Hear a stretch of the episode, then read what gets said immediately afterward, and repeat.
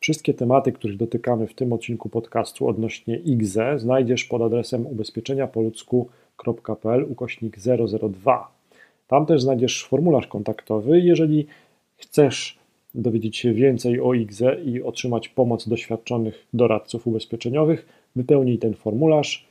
Na pewno doświadczeni e, eksperci Ci w tym pomogą. Miłego słuchania. Można mieć takie wrażenie, że ktoś powiedzmy odkładał na OFE, w pewnym momencie reguły gry zostały zmienione i się pożegnaliśmy z połową OFE.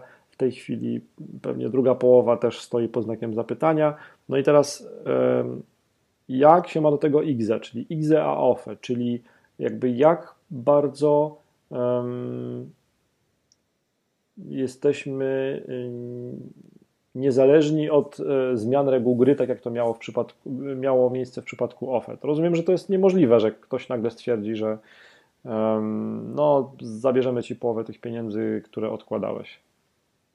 To są zupełnie dwa inne worki, tak? XE, to są dwa inne worki, tak. Wracając do, wracając do OFE, Filarów. to było mhm. tak, to z OFE było tak, że to, co myśmy tam składali e, w tych otwartych funduszach inwestycyjnych, to było coś, co było przekazywane ze składki, którą wcześniej i tak płaciliśmy w całości do ZUS. Mhm.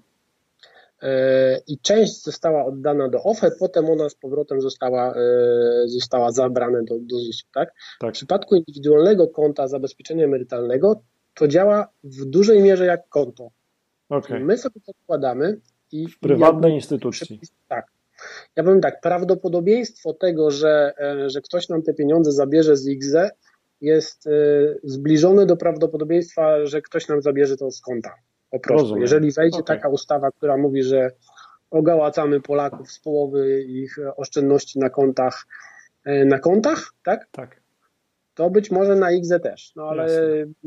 chyba tak się nie wydarzy. No, miejmy nadzieję, że jest to bardzo odległy, negatywny scenariusz, do którego, który nigdy się nie zrealizuje.